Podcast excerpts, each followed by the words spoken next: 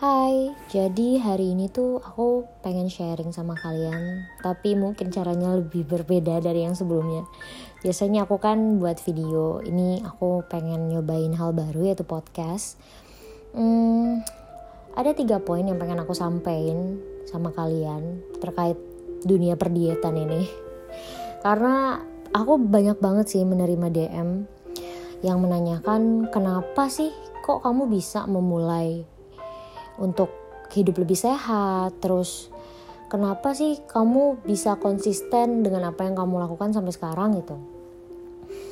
Sebenarnya jawabannya itu ada yang lain selain aku pengen sehat. Tapi mungkin aku waktu itu juga terlalu malu buat kasih tahu. Dan hari ini aku bakal kasih tahu sama kalian. Dan itu salah satu sih hal yang bikin aku konsisten sama saat ini sampai saat ini uh, yaitu tiga poin itu yang pengen aku sampaikan itu tadi sudah yang poin pertama. Alasan kenapa aku buat podcast ini ya, poin kedua sebelumnya itu berat aku tuh emang berapa sih gitu. Dan kenapa aku bisa mencapai berat itu gitu loh. Dan yang ketiga itu alasan yang paling utama. Kenapa aku bisa memulai dan aku bisa konsisten tadi kan udah dijawab tuh pertanyaan pertama. Nah, yang kedua, berat aku berapa dan kenapa aku bisa seberat itu waktu itu. Jadi uh, back to the story, aku dulu sebelum berangkat ke Jakarta itu beratku tuh di 52 sampai 53. Segitulah. Dan tinggiku itu 158, satu ya 158. Dan itu kalau dihitung ya masih normal lah, masih ideal setelah aku kurang lebih sekitar satu tahun setengah mungkin di Jakarta ya aku naik berat badannya sampai 20 kilo. Terserah kamu mau percaya atau enggak. Kalau misalnya kalian gak percaya bodo amat. Tapi aku tahu kalau misalnya orang yang deket sama aku tuh pasti tahu. Dan pasti percaya. Karena aku segede itu badannya. Kenapa kok bisa gendut banget gitu loh? Ya karena sebelumnya, sebelum aku berangkat ke Jakarta, aku kan di rumah di maintenance sama nyokap buat makan apa perharinya gitu. Karena ya nyokap juga peduli sama fisik gitu loh kalau di rumah. Bukan cuma fisik tapi kesehatan juga. Makanya aku tuh benar-benar diporsir makannya kalau di rumah. Uh, ketika aku berangkat ke Jakarta, aku kerja, terus aku kuliah, aku manage hidupku sendiri, pendapatanku juga segala macem ya mungkin itu sih. Pengen mencoba hal-hal baru juga kan karena hidup sendiri di sini. Aku tuh suka banget sama namanya makan. Bukan suka ya cinta tapi. Karena apa? Aku tuh bukan cuma suka makannya tapi proses makanan itu dibuat bahan-bahan apa yang dipakai itu tuh aku sampai sepeduli itu gitu loh. Makanya aku tuh suka banget sama namanya makanan apalagi di Jakarta kan yang kalian tahu sendiri itu tuh banyak banget makanan-makanan aneh yang tercipta di sini. Yang mungkin sebelumnya belum pernah aku coba di tempat asalku di Palembang. Makanya aku tuh suka banget coba-cobain makanan. Apalagi kemarin aku sempet tinggal di wilayah yang deket banget sama mall yaitu Central Park dan Taman Anggrek. Jadi ya kerjaan aku ya ke sana gitu loh nyari makan dan juga faktor lain adalah teman-teman akrabku di kantor itu suka banget makan. Jadi lunch aja kita tuh sampai pengen yang berkualitas gitu loh. Karena kita sumber kebahagiaannya itu salah satunya dari makan gitu loh. Sama-sama suka makan. Jadi kita juga suka makan sneak, stick gitu. Even makan siang loh padahal. Terus makan makanan Pizza Hut gitu-gitu lah makan makanan yang proper biasanya buat makan besar kita makannya makan siang. Untung aja kita nggak sempet nyobain all you can eat. Eh pernah ding. Waktu itu waktu perpisahan tahunan kantor. Itu gila sih. Uh, tapi di luar dari itu aku tuh sama sekali nggak merasa terbebani atau menyesal dengan keadaan yang pernah aku alami itu karena aku merasa happy juga sih kemarin sempat. Maksudnya aku nggak menyesal sama sekali karena sudah pernah ada di keadaan itu. Uh, makanya kalau misalnya disuruh pilih aku bakal ada di keadaan itu lagi atau enggak ya aku tetap milih pengen melewati itu lagi. Karena menurut aku itu seru aja terlepas dari semua hal negatif yang menumpuk di badanku ya. Nah uh, luar da setelah itu yang poin ketiga nih mainnya kenapa aku bisa memulai ini? Aku dulu sempet deket sama cowok dan kita sampai pacaran. Dia orangnya baik.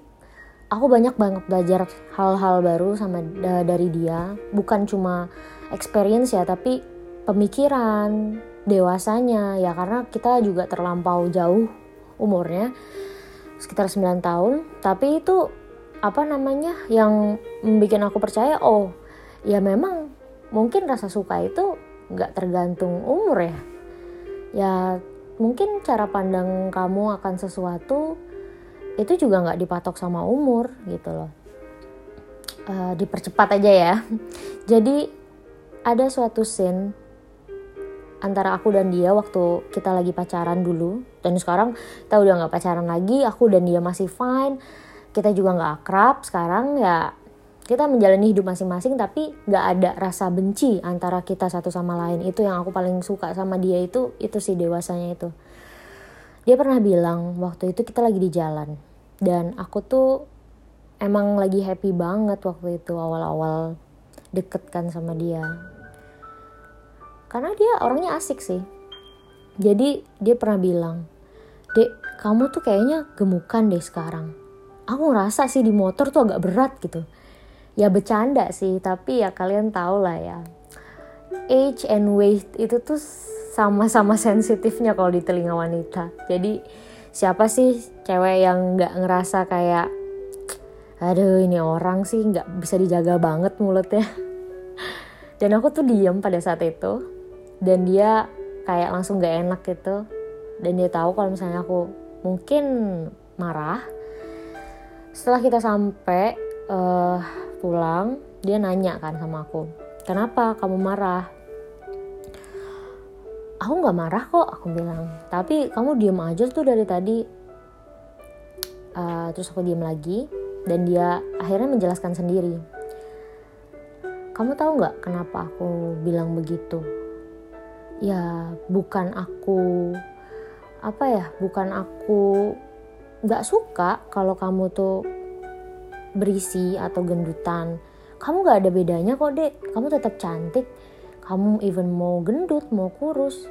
Tapi ketika aku melihat sesuatu yang berlebihan aku tuh kayak apa ya ya aku merasa kalau misalnya apa yang kamu konsumsi itu berarti aslinya bukan sepenuhnya buat kamu tapi itu sudah menjadi hak orang lain. Coba kamu pikir deh kalau misalnya kamu makan secukupnya terus sisanya kamu kasihin ke orang dan kamu melakukan itu terus menerus bukankah itu bisa impactnya akan lebih baik? Terus aku mikir iya ya. Gak cukup sampai di situ dia bilang tapi ada satu lagi yang menurut aku oh iya aku paham maksudnya apa jadi dia bilang kamu tahu kan kalau misalnya manusia itu diciptakan sama Tuhan itu sempurna? Di luar dari ketidaksempurnaan orang-orang yang mempunyai kekurangan mungkin dalam fisiknya tapi Tuhan itu menciptakan manusia pada saat itu ya sempurna gitu loh. Otak mungkin tubuhnya penampilannya. Tapi kamu tahu nggak sih cara kamu berterima kasih sama Tuhan itu sebaiknya apa? Dengan tubuh kamu yang seperti ini dengan parasmu yang cantik apa sih yang bikin kamu yang bisa kamu lakukan buat berterima kasih sama Tuhan yang sudah menciptakan kamu? Apa? Aku nanya. Ya dengan menjaga tubuhmu itu. Tuhan sepakal seneng banget kalau misalnya kamu menjaga apa yang dia ciptakan. Dengan tidak melebih-lebihkan maupun mengurang-ngurangi apa yang sudah dia ciptakan gitu loh pasti Tuhan bakal lebih senang. dan mulai dari situ sih aku merasa kayak oh iya tubuhku tuh ada yang salah walaupun aku merasa tubuhku sehat tapi ada beberapa hal juga yang aku merasa agak susah gitu loh dilakukan sebelum aku merasa uh, sebelum beratku ideal kemarin gitu kan. Dan ju dia juga pernah bilang kalau misalnya kok aku tuh agak kasihan ya dek sama kamu? Aku tahu kamu merasa seneng kamu sehat. Tapi kalau aku lihat kamu even melakukan hal fisik yang menurut aku tuh nggak terlalu berat. Kayak naik tangga atau jalan.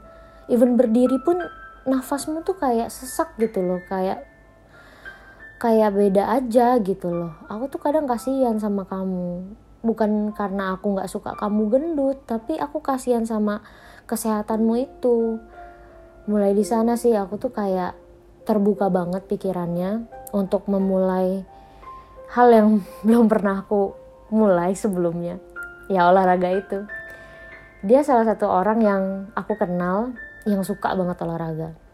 Mungkin karena backgroundnya juga sih dia juga suka main bola. Waktu kecil dia sempat di sekolahin di salah satu tempat sekolah bola di tempatnya dulu di daerahnya. Terus dia juga suka banget muay thai boxing. Terus dia juga sempat angkat besi waktu itu dia pernah cerita. Uh, dan dia mulai membujuk aku buat olahraga muay thai aku awalnya tuh kayak mikir ah palingan cuma awal-awalnya doang sih ini. Aku kan orangnya bosenan gitu. Tapi dia bilang coba dulu.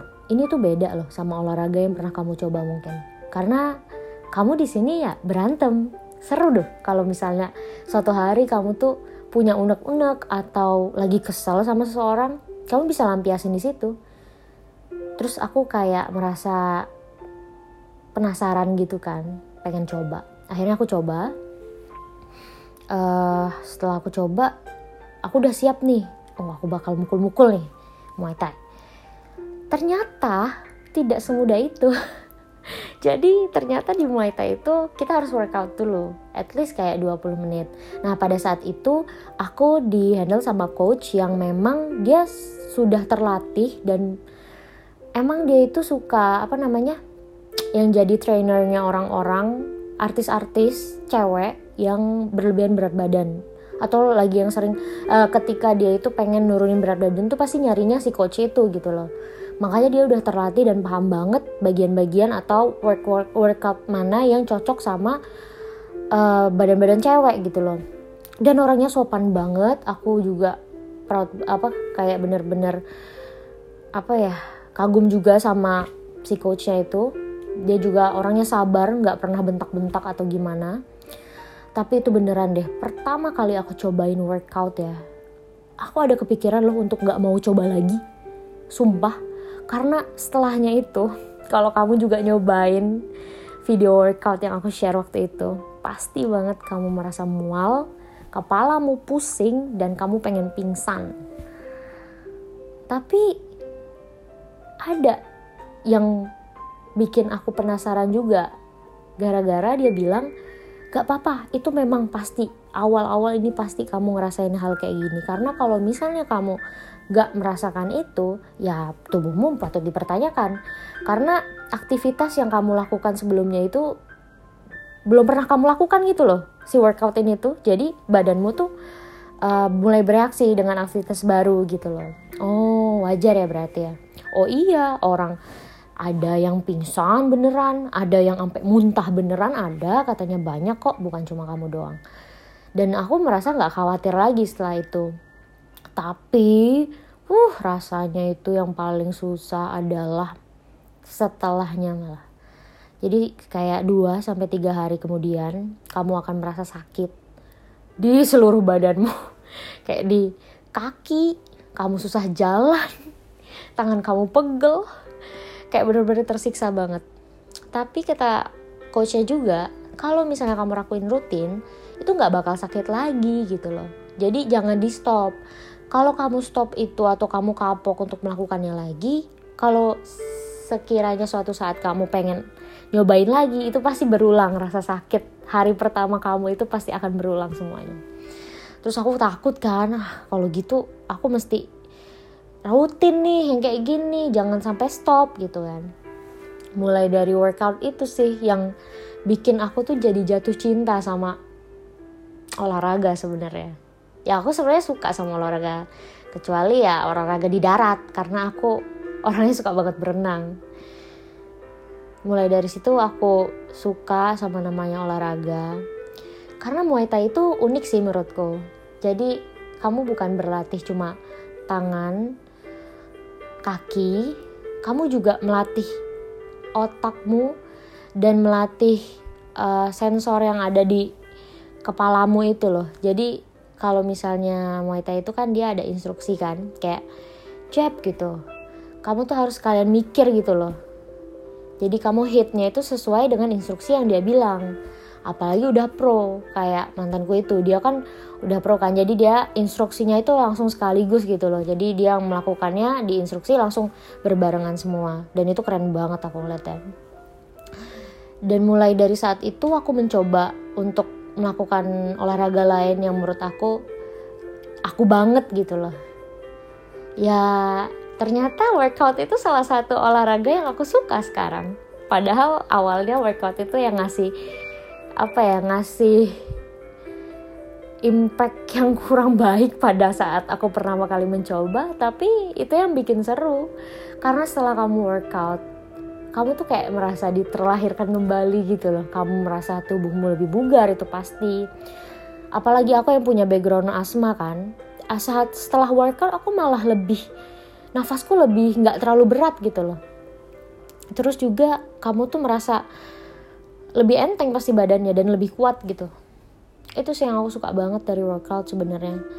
Dan setelah aku mencintai olahraga ini dan aku melihat perubahan fisik yang lumayan jauh dari aku sebelumnya ini tuh bener-bener out of the box banget sih pengalaman yang aku pernah rasain ini. Dan aku berterima kasih banget sih sama kamu mas yang pernah ngasih tahu aku yang pernah ngenalin aku sama olahraga. Dan gak capek buat ngebujuk aku olahraga terus. Aku merasakan banget impactnya. Dan aku berterima kasih banget pernah kenal dan pernah deket sama kamu. Dan aku juga berterima kasih sama orang-orang yang ngasih aku support selama ini.